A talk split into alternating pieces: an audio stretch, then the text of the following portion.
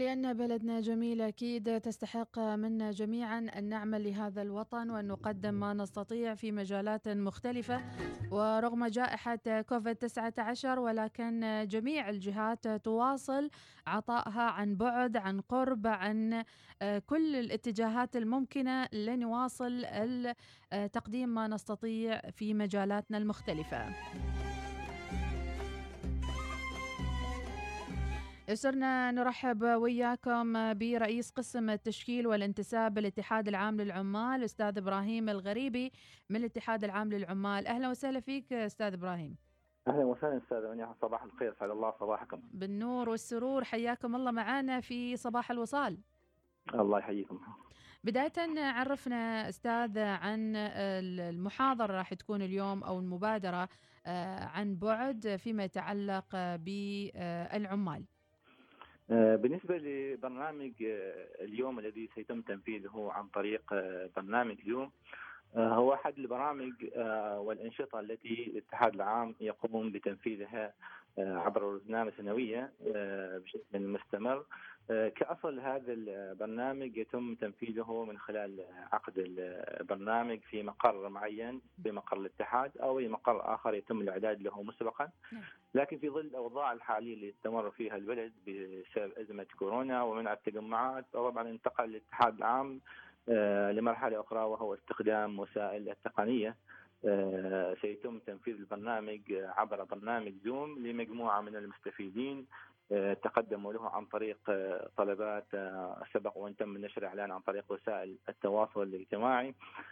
موضوع هذه الحلقة هي حلقة نقاشية تتضمن أحكام آه، قانون العمل آه، بالنسبة للعاملين في منشآت القطاع الخاص ومنشآت القطاع الخاص آه، ذاتها مجموعة الأحكام تتعلق فيها وسيتم تسليط تسليط الضوء على العديد من المواضيع المهمة ذات ذات الأهمية التي تثير جدل في الوقت الحالي. نعم.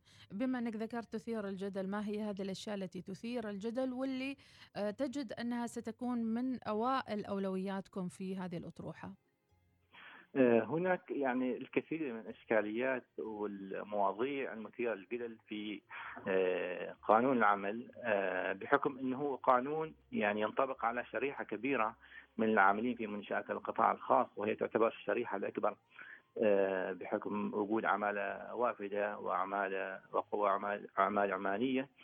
آه، في ظل الأوضاع الحالية آه، أكثر المواضيع المثيرة للجدل هي إنهاء العقود بشكل جماعي أو إنهاء العقود بسبب أزمة كورونا أو بسبب الأوضاع الاقتصادية. طبعا هي من المواضيع المهمة كون إن عدم وجود يعني آلية أو أحكام واضحة في قانون العمل تنظم هذه العملية. بالتالي هي من المواضيع التي يعني يحدث فيها الخلاف ويحدث فيها الجدل. هناك نفس الشيء مواضيع أخرى اللي هي من ضمنها اللي اتجهت له آه، منشآت القطاع الخاص في ظل الاوضاع الحاليه تقليص اجور العاملين في الفترة الحالية آه، بسبب ما تمر به هذه الشركات من إغلاق أو من انخفاض أرباحها أو إسباب أخرى تدعيها طبعا أتاحت اللجنة العليا المكلفه ببحث أوضاع ومتابعة أوضاع كورونا كوفيد في الفترة الحالية. مجموعة من القرارات أو مجموعة من الحزم التسهيلات من ضمنها اللي هو الاتفاق مع العاملين آه، بتقليص أجورهم بما يتناسب مع تقليص ساعات العمل أو أيام العمل. آه، آه، طبعا هي من الأشياء التي يعني ظهرت في الفترة الحالية بالتالي من الطبيعي أنها تثير جدل في آلية تطبيقها والنسب التي يتم تخفيض فيها الأجور ومدى تقبل العاملين في منشات القطاع الخاص لهذه القرارات كونها تمس أجورهم والأمر هذا يعتبر يعني الشيء الجوهري العامل يعمل من أجله وهو الأجر آه، وأن يستمر هذا الأجر بذات الاتفاق المتفق عليه مبدئيا ولا أن يعني ينتقص منه أي مبلغ بل بالعكس انه يرغب العامل في ايجاد هذا الأجر بحكم الالتزامات اللي تترتب عليه يعني آه، من الاكيد أو من الطبيعي إن كل شخص يعني كل ما تقدم في العمر تزيد من الالتزامات عليه سواء التزامات أسرية أو التزامات أخرى آه، وفقا لمتطلبات الحياة،. بالتالي هذا من المواضيع المثيرة جدلا إنه يعني نلجأ إليها في الفترة الحالية ولكن كما يقال إنه شر آه، لا بد منه يعني أقل الأضرار يعني أحد الحلول التي يتم تطبيقها في الفترة الحالية نعم. تفاديا لوقوع إشكاليات أكبر من ما وقعت في الوقت الحالي بالتالي كان أحد يعني التسهيلات المقدمة فيما يقابله وجود تسهيلات أخرى للعاملين من تأجيل آه، القروض أو تأجيل الالتزامات اللي موجودة عليهم هل, هل تتوقع أستاذ إبراهيم أن يكون هناك آه، يعني إطالة مدة تأجيل القروض بان بما أن كورونا لم ينتهي بعد ومرت ستة أشهر الآن والبعض بدأت البنوك تطالب بعودة القروض إلى ما كانت عليه فما هي توقعاتكم أيضا في هالموضوع؟ آه، في ظل أو في ظل الأوضاع الحالية والمقررات إن توجه الدولة إلى إعادة الحياة إلى طبيعتها. يعني من المتوقع أو استبعاد هذا الأمر إنه يستمر هذه التسهيلات كون إنه يعني أغلب دول العالم آه، شيئا فشيئا تعيد الحياة إلى طبيعتها وبالتالي يعني لا تبقى هناك حجة آه، لهؤلاء الشركات أن يستمروا في مثل هذه الاستقطاعات. كون إنه يعني لابد من مواكبة هذه الجائحة وهذا الأمر يعني من خلال دراسة الخبراء إنه قد يطول إلى بداية السنة القادمة. بالتالي يعني من غير المعقول أن نستمر في استقطاع هؤلاء الأشخاص أو هؤلاء العاملين بحكم إنهم يعني آه، مترتب عليهم التزامات. ولا بد طبعا من إيجاد حلول آه، من قبل الدولة في علاج هذه الإشكالية. كون إنه في الفترة الأخيرة آه، صدر لقانون صندوق آه، الأمان الوظيفي نعم. قد يعالج مسألة المسرحين عن العمل بشكل جماعي.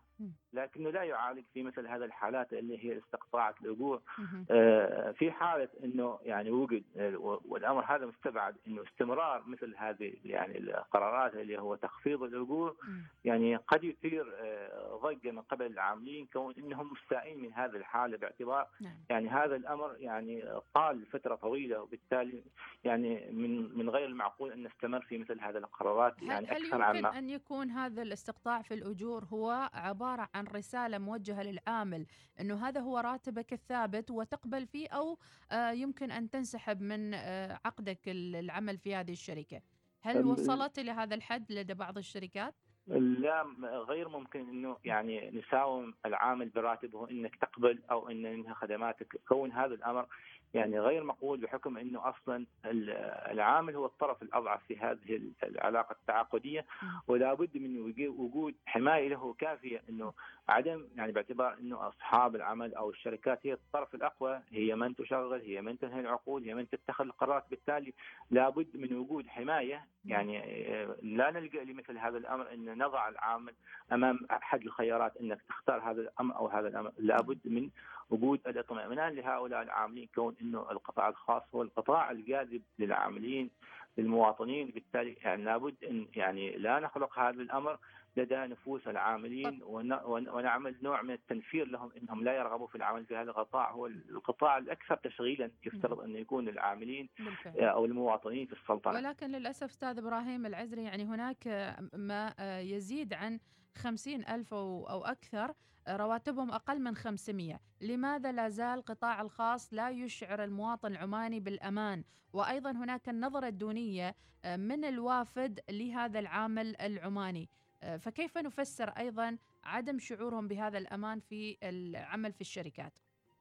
يعني قد يكون هذا الأمر آه، وجود قصور في التشريعات الموجودة عندنا في السلطنة يعني المفهوم اللي موجود حاليا عندنا في السلطنة إنه يعني لأصحاب العمل أو الشركات هناك نسبة للتعمين أو يعني توظيف العمانيين في منشات القطاع الخاص كان من المفترض أو من الأسلم ان لا نضع هذا الفكر إنه يعني يعني يكون أصحاب العمل نسبة للعمانيين في توظيفهم في هذه الشركات، كان الأفضل أن يكون إنه الأصل هذه الوظائف للمواطنين. ونسبة يعني وتحديد النسبة لغير العمانيين كون إنهم يأتوا للسلطنة لمرحلة مؤقتة آه، آه، لسد النقص في الكوادر الغير موجودة عندنا في السلطنة إنه يشغلوا هذه الوظائف فتره معينة وتكون يفترض أن هناك خطة بديلة على أساس إنه الكوادر الغير موجودة عندنا في السلطنة إنه على مراحل معينة يتم تأهيل مجموعة من الكوادر العمانية وعندنا يعني من الكوادر العمانية ومن الشباب الاكفاء ومن الشباب القادرين على قياده هذا القطاع. لكن لابد من وضع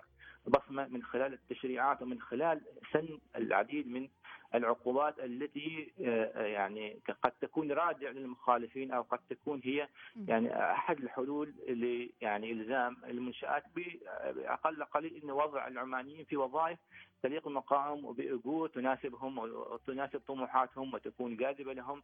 يعني أو اينما وضعنا هذه القواعد نجد إنه يعني العديد من الكفاءات يعني حتى من القطاع الحكومي تنتقل لهذه المؤسسات. وهو ما نلاحظه يعني العديد من الكوادر العمانية يعني عمليه دوام الوظيفة موجودة. انه ينتقلوا من القطاع الحكومي للقطاع الخاص في ظل وجود هذه الامتيازات أو هذه الوظائف لو وضعنا أسس أو قواعد معينة تلزم أو انه يتم تطبيقها بشكل مباشر لأن في كل الأحوال انه أصحاب العمل هم هم مصلحة المنشأة. إنها تحقق ربح وتمشي يعني بأفضل ما يكون في ظل يعني في ظل إنه يروا إنه مثلا العامل الوافد آه، آه، تكلفته أفضل أفضل عن العماني سيلجأوا للوافد كونهم يعني يرغبوا في استمرار منشأتهم وتحقيق الأرباح يعني أفضل ما يكون آه، بعكس لما يروا إنه تكلفة العماني أكثر عن الوافد في هذا الحال يعني هل الأستاذ إبراهيم هل تقترح هنا أن يعني آه يعني إزالة عملية نسبة التأمين في الشركات لأن هي التي تسبب هذا العبء الكامل على الشركات ويتحملون إنه كأنه الموظف العماني تحصيل حاصل أو زيادة رقم عندهم فقط لضمان نسبة التأمين فقط. الأمر اللي يفترض يعني الامر اللي يفترض وجوده إن الوظائف تكون مؤصلة للعمانيين.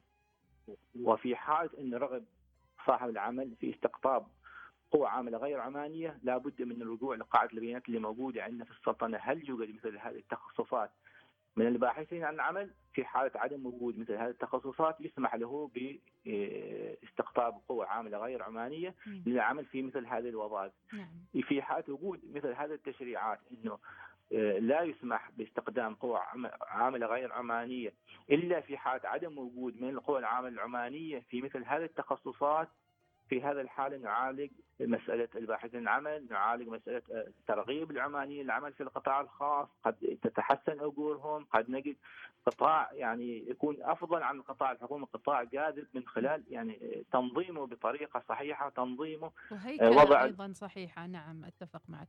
طيب نعود إلى الورشة اليوم. متى ستبدأ بإذن الله تعالى؟ وآلية تنفيذها مثل ما ذكرت قبل قبل الورشة سيتم تنفيذها في حدود الساعة السابعة والنصف مساء عن طريق برنامج يوم آه هي طرحت سابقا خلال الأسبوع الماضي عن طريق وسائل التواصل الاجتماعي انه من يرغب في التقدم في هذه الورشة بدون تحديد فئات معينة. أي من المهتمين في الجانب آه، قانون العمل بإمكانه المشاركة في هذا الحلقة النقاشية. طبعا تقدم لهذه الحلقة ما يقارب أكثر عن أو في حدود 70 شخص آه، من مختلف الفئات من العاملين في منشآت القطاع الخاص من المعنيين بتطبيق أحكام القانون كمدراء موارد البشرية من الباحثين عن العمل من آه، من الدارسين أو الباحثين في مجال القانون اللي تتعلق بأحكام قانون العمل. آه، هذه الفئات هي التي اهتمت أو رغبت في الاستفادة من هذه الحلقة النقاشية، هذه الحلقة النقاشية ستتضمن مجموعة من المحاور والمواضيع التي تتكلم بالأخص عن أحكام قانون العمل وما تبعه من قرارات وزارية منفذة لأحكام القانون كتشغيل القوى العاملة أو عقد العمل وأنواع عقود العمل، ما هي الحقوق والواجبات المترتبة على عقد العمل، ما هي حالات انتهاء العقد، وفي حالات التسريح عن العمل التركيز عليها بالأخص هذه حالات الاستقطاع عن العقود ما هي أحكامها؟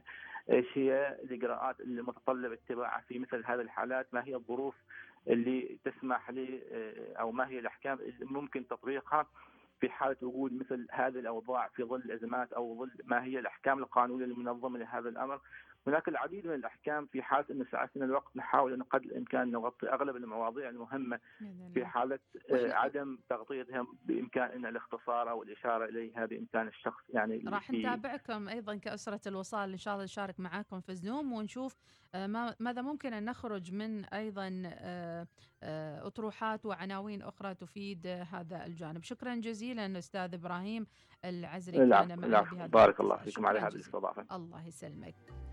نقطة إشادة مهمة حقيقة بالاتحاد العام للعمال بالسلطنة على جهوده وأيضا على الكوادر العمانية القادرة على آه، تقديم وجهة النظر وتقديم آه، هذا الشرح الوافي بطريقة أيضا آه، واعية وتفهم الوضع بشكل كبير من موقع أعمالهم. إذا حلقة نقاشية عن بعد بعنوان أطروحات حول قانون العمل راح تكون مساء اليوم الثلاثاء 25 أغسطس من الساعة 7:30 إلى 9:30 المساء اللي حابين يشاركوا عن طريق الاتحاد العام يرسلوا لكم الرابط. ونشكر ضيفنا اللي كان معنا في هذه الدقائق الأستاذ إبراهيم العزري وهو رئيس قسم التشكيل وانتساب الاتحاد العام للعمال بالسلطنة. فاصل ومكملين مع صباح الوصال.